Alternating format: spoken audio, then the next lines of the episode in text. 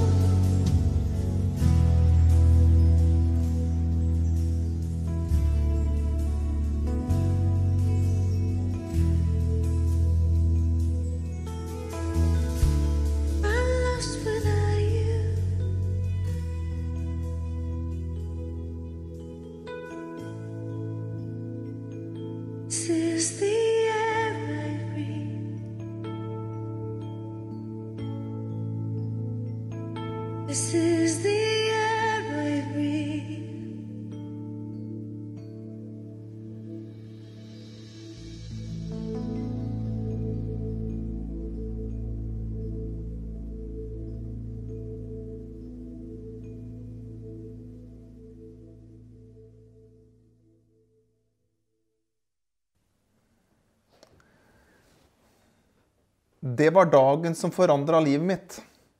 Den opplevelsen fikk meg til å se livet på en ny og annerledes måte. Vi alle har slike historier i livet vårt. De aller fleste forandringer gjennom livet skjer nok gjennom prosesser og stadige små endringer. Men noen ganger i løpet av livet så opplever vi dager eller bare øyeblikk som påvirker oss stort. Øyeblikk som forandrer oss, og som skaper ringvirkninger for resten av livet. Vi alle opplever sånne avgjørende øyeblikk. Det kan være et valg vi står overfor, eller det kan være en opplevelse vi har. Et avgjørende øyeblikk hvor noe, ny, hvor noe nytt starta. Ja, som forandra alt. Dagens bibeltekst den er om Paulus sin omvendelse. Det er en fascinerende historie. I løpet av et avgjørende øyeblikk forandres Paulus sin historie helt diametralt. Han går på svært kort tid fra å være en brennende forfølger av den kristne kirke, til selv å bli en ivrig Jesus-troende som blir forfulgt. Tradisjonen forteller at Paulus til slutt dør som martyr for Jesus idet han blir halshugget under keiser Nero sine forfølgelser. Men den første kjennskapen vi får til Paulus i apostlenes gjerninger, det er at han selv godkjenner drapet på den første martyren Stefanus.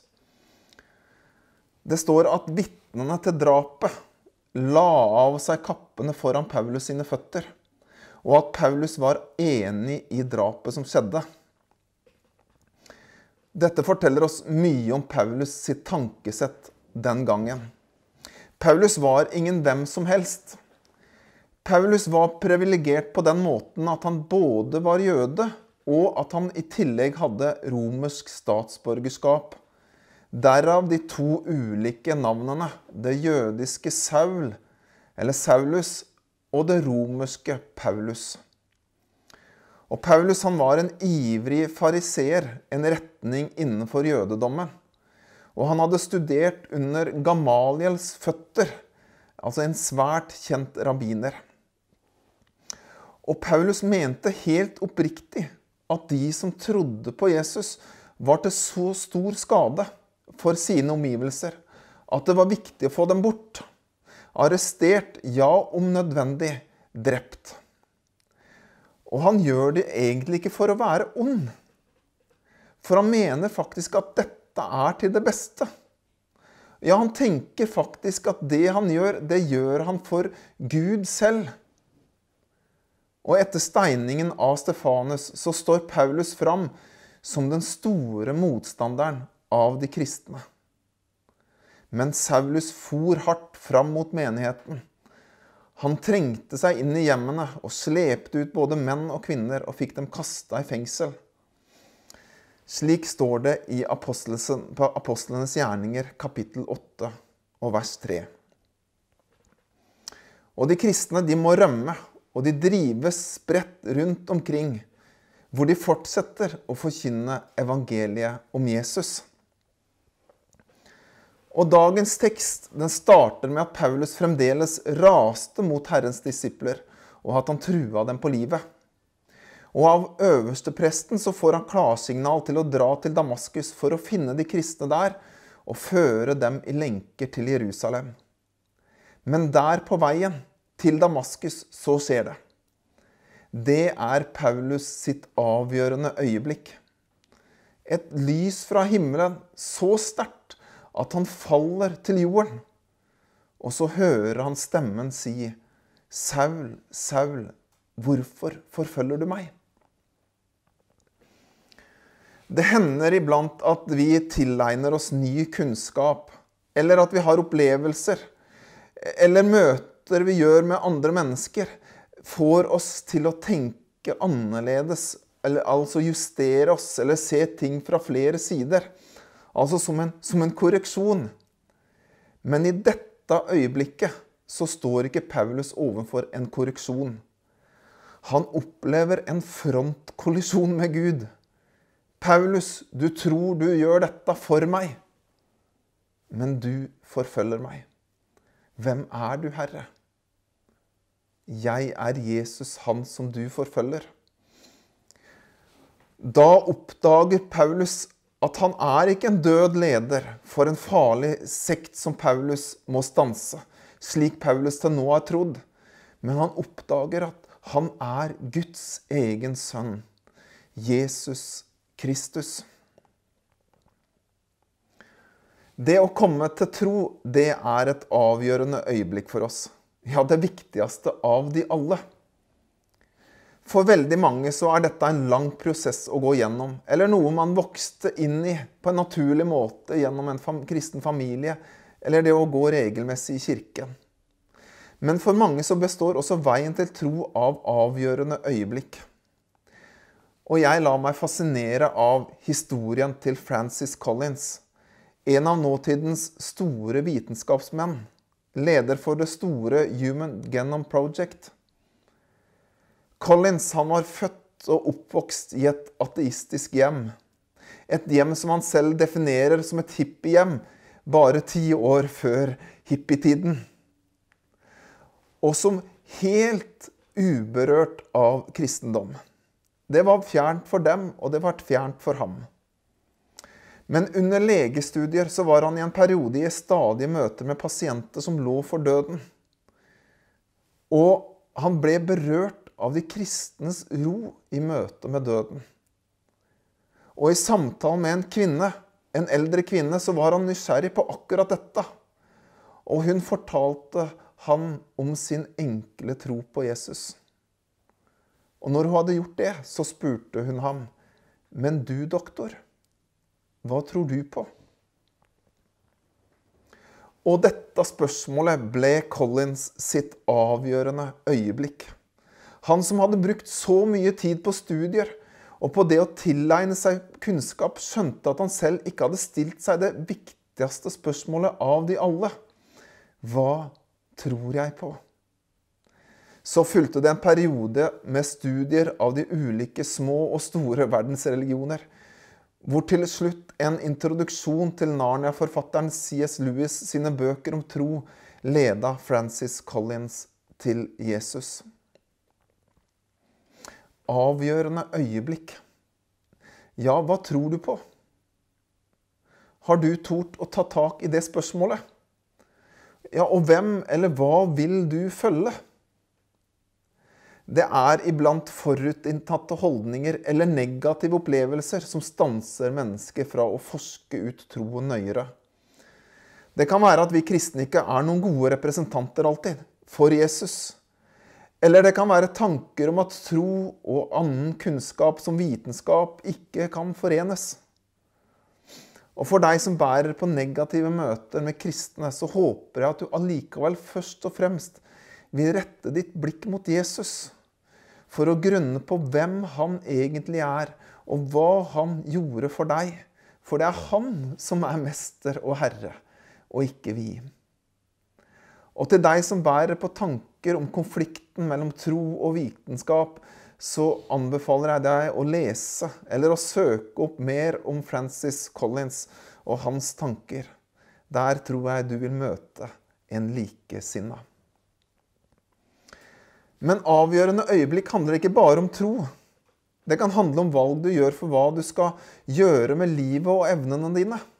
Eller det kan dreie seg om hvem du velger å dele livet, med, livet ditt med. Eller det kan være øyeblikk du står overfor som meisler fram karakter og holdninger, ja, Kristuslikhet, om du vil, i deg. Det er jo vanskelig å se det slik alltid. Men hver prøvelse og fristelse vi opplever, er også et mulighetens øyeblikk. Et øyeblikk hvor karakter og holdninger for livet kan bli skapt. Det er heller ikke slik at avgjørende øyeblikk i livet våre kommer alltid gjennom å møte det gode og det positive, eller som i Paulus sitt tilfelle, å møte Jesus. I et seminar for barn og ungdomsledere for noen år tilbake så var det en foredragsholder som sa noe slik som Vi kan ikke lære de unge å ikke gjøre feil, for det vil de gjøre.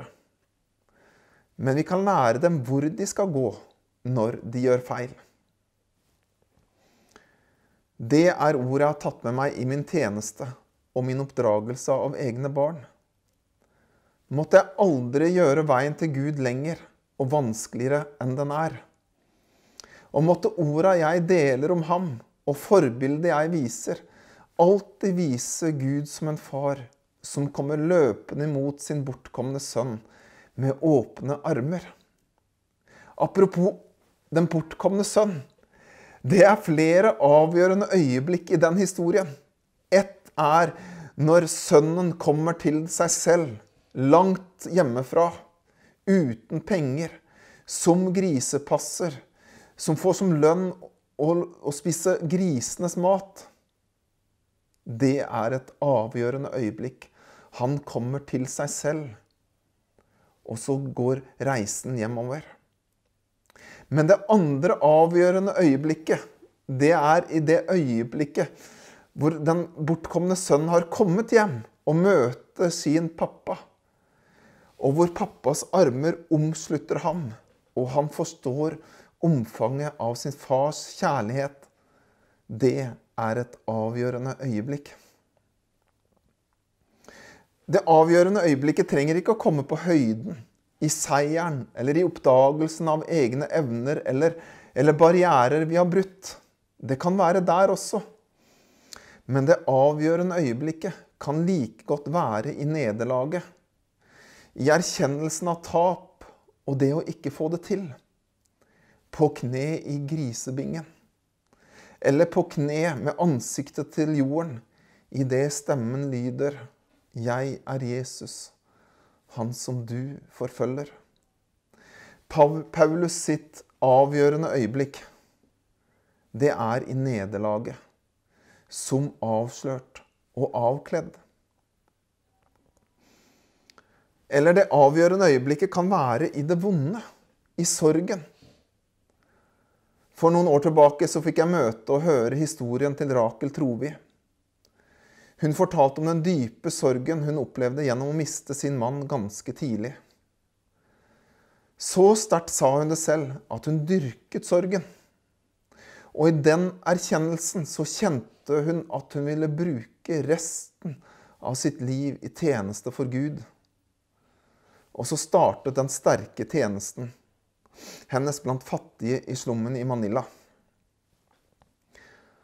Det avgjørende øyeblikket kom i sorgen. Paulus gjenforteller sin historie i sin forsvarstale for folket senere i apostlenes gjerninger. Og Du kan lese det i kapittel 22. Der kan vi lese en detalj som ikke går fram i dagens tekst fra kapittel 9.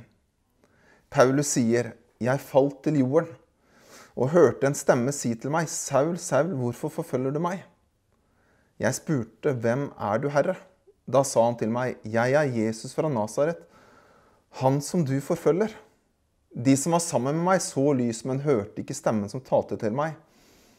Og så kommer detaljen. 'Hva skal jeg gjøre, Herre?' spurte jeg. Hva skal jeg gjøre, Herre? Det er sterke ord fra den ivrige forfølgeren Paulus. Det er full kapitulasjon. Det er alle kort på borda. Det er full overgivelse. Det er ingen forsøk på å sminke det til eller, eller bortforklare. For det var helt umulig. Hva, hva skal jeg gjøre, Herre? Og disse orda viser vei for oss også. Det er ordene som kan gjøre at det du står overfor nå, om det er seier, nederlag eller sorg, at det kan bli et avgjørende øyeblikk for deg. Ditt valg er om du vil invitere Gud med inn i øyeblikket ditt.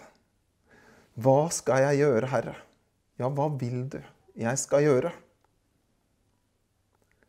De aller fleste endringer skjer som en prosess over tid. Men kanskje er det slik at du står overfor noe nå, i dag, eller i denne tiden eller dette året, som du kjenner er et avgjørende øyeblikk for deg. Eller kanskje det er slik at du akkurat nå forstår at det er det du opplever. Et avgjørende øyeblikk. Det kan være en spesiell opplevelse av Guds nærvær.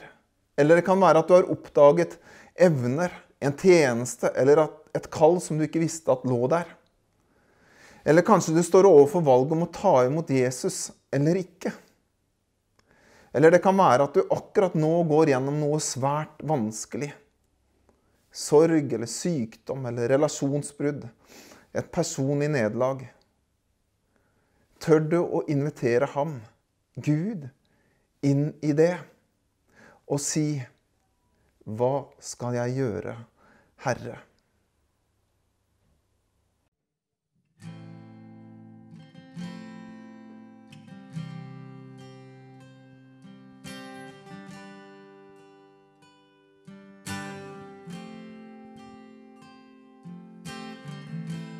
Call me out upon the waters, the great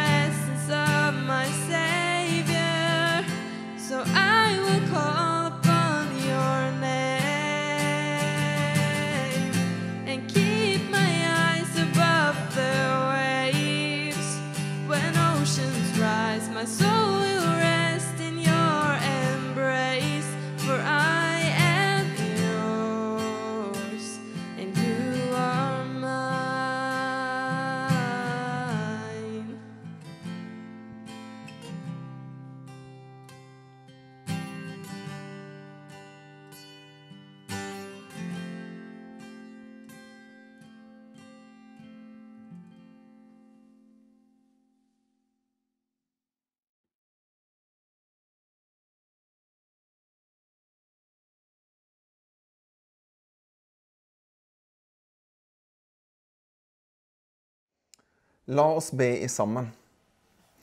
Far i himmelen, du kjenner oss og vår historie. Du ser hvorfor vi er de vi er, og hvorfor vi handler som vi gjør. Du ser våre sterke sider. Ja, du har gitt oss gaver og evner.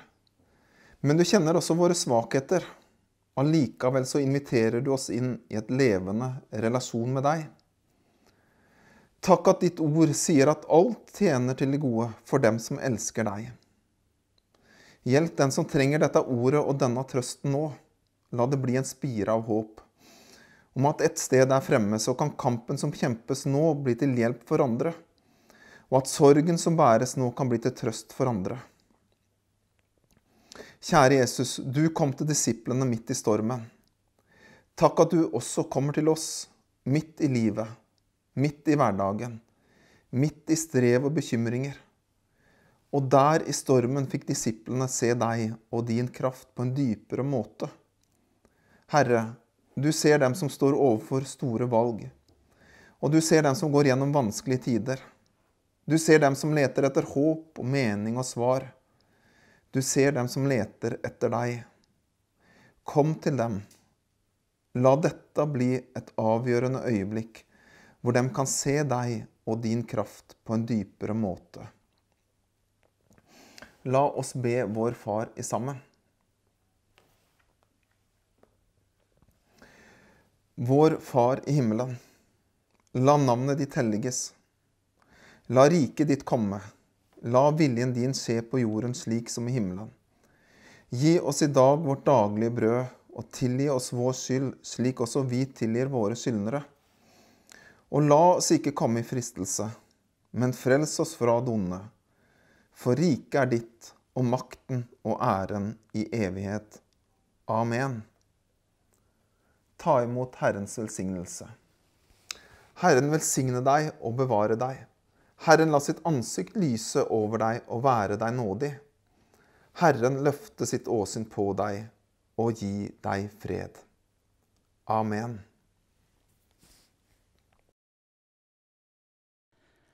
Vi er så takknemlige for at mange, både lokalt og ellers rundt i landet, følger nettgudstjenestene våre. Tusen takk for alle gode tilbakemeldinger og oppmuntringer. Vi kommer til å ha digitale gudstjenester fram til 14. juni, og etter ferien regner vi med at vi kan ha gudstjenestene våre i Elim igjen. Vi gleder oss sånn til vi kan møtes og feire gudstjeneste, ha fellesskap i kafeen og snakke sammen ansikt til ansikt. I mellomtiden, ikke glem å ta kontakt med hverandre. En telefon eller en melding kan bety så mye. Er det noen som ønsker samtale eller forbønn, så sitter pastoren vår klar ved telefonen hver onsdag fra klokka ti til tolv. Du kan selvfølgelig òg ringe til andre tider ved behov. Følg òg med på nettsiden vår elimtistedal.no for informasjon. Til slutt minner vi om at du kan være med å gi en gave til arbeidet vårt på VIPS. Da takker vi for i dag, og oppfordrer alle til å be for hverandre og for landet vårt.